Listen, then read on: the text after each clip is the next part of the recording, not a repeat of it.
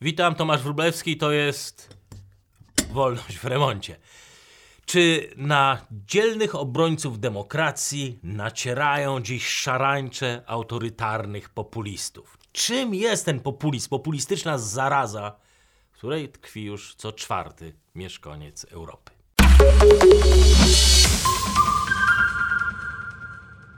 W ciągu zaledwie 20 miesięcy mapa liberalno-demokratycznej Europy pokryła się populistycznymi planami. Polska, Węgry, Austria, Włochy, jeżeli dodamy do tego jeszcze rosnące w siłę prawicowe ugrupowania w Szwecji, Francji, po drugiej stronie Atlantyku trumpowskie Stany Zjednoczone, to świat powinien jawić się nam jak jeden wielki antydemokratyczny koszmar. Czy faktycznie zachodnia cywilizacja stoi o krok od dyktatury? Zanim zaczniemy się litować nad naszym losem, może dwa słowa o samym populizmie, który wymyka się wszystkim naukowym definicjom. Pierwsze, co w tym zastanawia, to że w przeciwieństwie do wszystkich znanych nam ideologii i systemów politycznych, z populizmem ani człowiek, ani żadna formacja polityczna się nie identyfikuje. Nikt nie słyszał, żeby ktoś o sobie mówił: Tak, jestem populistą albo nienawidzę demokracji. Skoro nikt nie chce być uznany za populistę, to pytanie, czy faktycznie mamy do czynienia z systemem politycznym, nową ideologią, czy tylko socjotechnicznym zabiegiem mającym zdyskwalifikować szeroki nurt społeczny odwołujący się do narodowych, konserwatywnych wzorców. Jeżeli przejrzymy rozmaite lewicowe analizy i przekazy medialne głównego tego liberalno-lewicowego nurtu, to ujrzymy populistów jako dziwną koalicję homofobów, islamofobów, neofaszystów, seksistów, eko, euro, co tam jeszcze, sceptyków. Źródeł y, populizmu z kolei postępowcy upatrują w braku wykształcenia, które ponoć przejawia się y, w charakterystycznym dla niższych klas braku tolerancji, dostosowania do tempa globalnych przemian ofiarami, tak, bo, bo, trzeba pamiętać, że populizm nie ma wyznawców, tylko ofiary propagandy i otumanienia.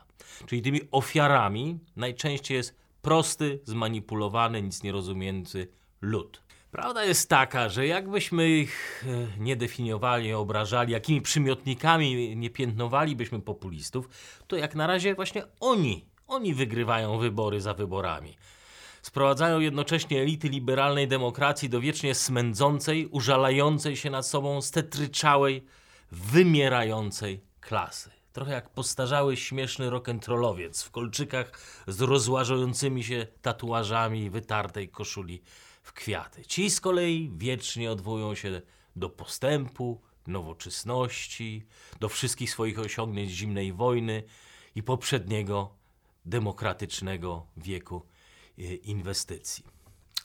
Faktycznie e, powojenna Europa sporo zawdzięcza liberalnej demokracji. Struktury urzędnicze, agencje rządowe, potężne koncerny medialne wszystko to było fundamentem powojennego, pokojowego ładu politycznego, częścią moralnego konsensusu opartego o prawa obywatelskie, wolności osobiste i rynkowe.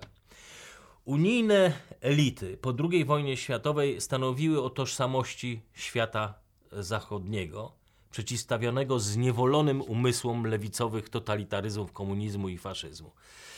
I tak jak NATO broniło granic Zachodu, tak instytucje demokratyczne w Europie broniły jego wewnętrznej spójności, broniły demokracji, broniły praworządności. No i powiedzmy sobie, że co do zasady, eksperyment się powiódł. Zachodnia demokracja przetrwała bez wojen i rewolucji ostatnie 73 lata gospodarka rozwijała się fantastycznie. Nie wiedzieć jednak kiedy i gdzie te instytucje strzegące w Europie demokracji zaczęły nagle ciążyć tej samej demokracji. Reglamentować i ograniczać e, wolność, dla której ochrony teoretycznie zostały stworzone. Nie wiem, może to się stało wtedy, kiedy unijne instytucje zaczęły się stroić we własne hymny i unijne flagi, wynosić siebie, instytucje ponad narody, które ją powołały do życia. Kiedy urzędnicy trochę, może racjonalizując swój byt i nieustannie rozrastającą się biurokrację, zaczęli domagać się dla siebie specjalnych uprawnień. Jak choćby ostatnio, o czym mówił przewodniczący Komisji Europejskiej Jean-Claude Juncker, że tylko paneuropejski, ponadeuropejski rząd, wolny, uwaga, wolny od nacisków wyborców, jest w stanie zapewnić w pełni liberalny system demokratyczny w Europie. To dość karkołomny wywód logiczny, że niby prawdziwa demokracja stoi nad wyborami, wymaga ograniczenia wręcz praw wyborczych.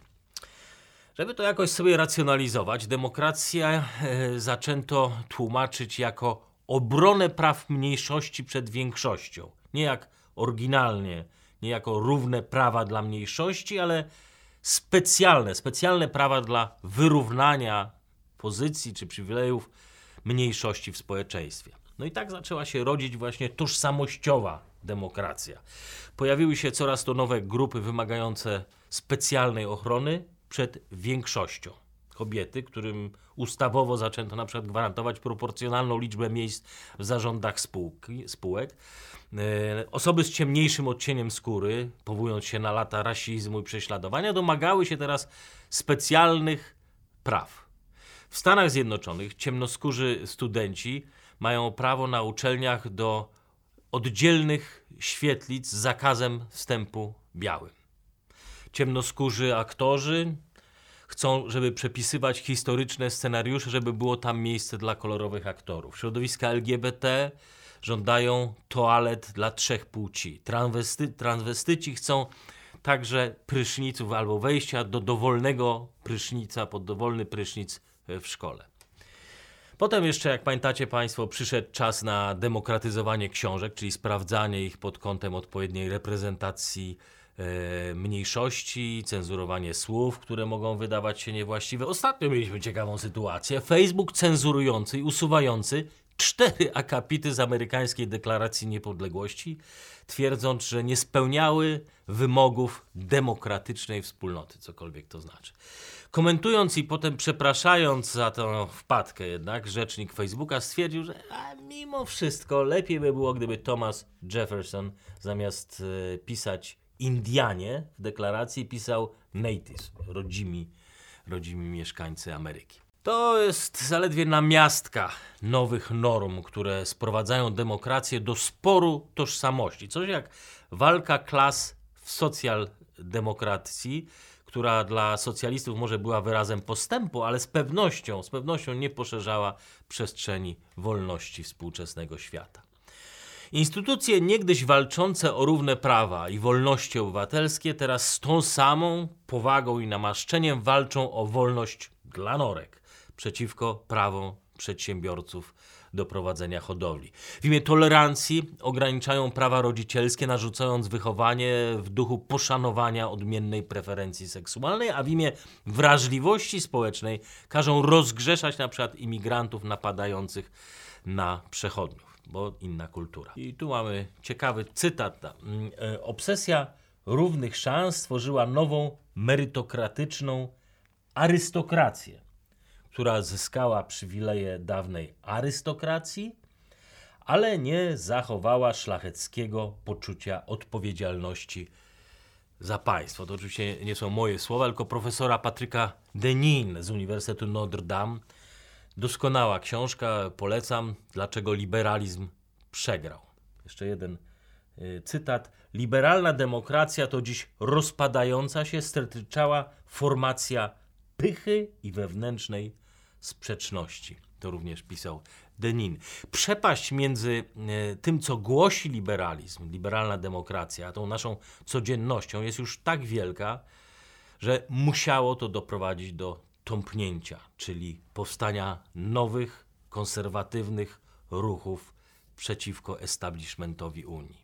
Im silniejsze stawały się siły odśrodkowe, tym szybciej instytucje demokracji liberalnej unijne, stworzone niegdyś do obrony demokracji, przekształcały się w instytucje obrony euroklasy czy euroestablishmentu. Przyjmując przy tym niemal komiczną, naprawdę komiczną narrację i tak na przykład wasalizacja Grecji, przejęcie kontroli nad budżetem Grecji przez niemieckich, francuskich bankierów odbywało się w duchu obrony przed populistycznymi ciągotami narodowców. Jako żywo przypomina mi to XIX-wieczne wyprawy brytyjskiej floty, która cumowała u wybrzeży Grecji i tak długo zbierała haracz od przypływających tam statków, aż nie odebrała swoich długów. Tak działają znowu te same europejskie rządy. I dalej, kiedy rząd Hiszpanii na początku tego roku chciał wsadzać do więzień działaczy Katalonii wybranych, wolnych, ale rozłamowych wyborach, ci uciekli do Niemiec, a niemiecki rząd deportował ich z powrotem wprost do madryckich więzień. Demokratyczny rząd. Robił to zresztą szybciej niż deportuje się nielegalnych imigrantów dzisiaj oskarżonych o przestępstwa w Niemczech. Oczywiście, nie muszę dodawać, wszystko odbywało się w imię prawa do samostanowienia. Jak świat światem, każdy totalitaryzm zaczyna się od zmiany znaczenia słów. Do czasów bolszewickiej rewolucji kułak e, był synonimem gospodarnego chłopa. Kata- kapitalizm pochodzi od kapita, głowa, od mądrego zarządzania, a nie od wyzysku, jakby chcieli socjaliści. I teraz w tożsamościowej demokracji termin demokracja niespodziewanie stał się przeciwieństwem woli większości. Demokracja to wola światowej mniejszości według postępowców, a głos większości to populizm. Populizmem jest demokratyczny, wybrany rząd w Katalonii. Postępem z kolei okrzyczano konserwowanie przestarzałych struktur Unii Europejskiej i przeciwstawianie się żądaniem, żądaniom większej przejrzystości i demokratyczności. A w miarę jak presja i niezadowolenie społeczne z Unii narastało, to populizm zaczęto traktować wymiennie nawet z faszyzmem. Czyli demokracja? Faszyzm. Im ciężej nam na co dzień wyłuskać jakiś sens tej karuzeli terminów i pomylonych pojęć, tym klarowniejszy zdaje się kształtować nam sam konflikt. Żaden tam głęboki spór ideowy. To raczej odwieczny konflikt starej już wielopokoleniowej euroarystokracji, która broni swojego monopolu na władzę. Ile razy już to przerabialiśmy w historii, patrząc jak rozpada się Imperium Brytyjskie, monarchia Habsburgów, sowieckie imperium satelickie. Zawsze tłuszcza, słyszeliśmy, że tłuszcza była zagrożeniem, a elity miały gwarantować spokój i postęp. Zapraszam na kolejny odcinek Wolności w Remoncie na kanale YouTube Warsaw Enterprise Institute, a wersja audio jak zwykle w podcastach iTunes.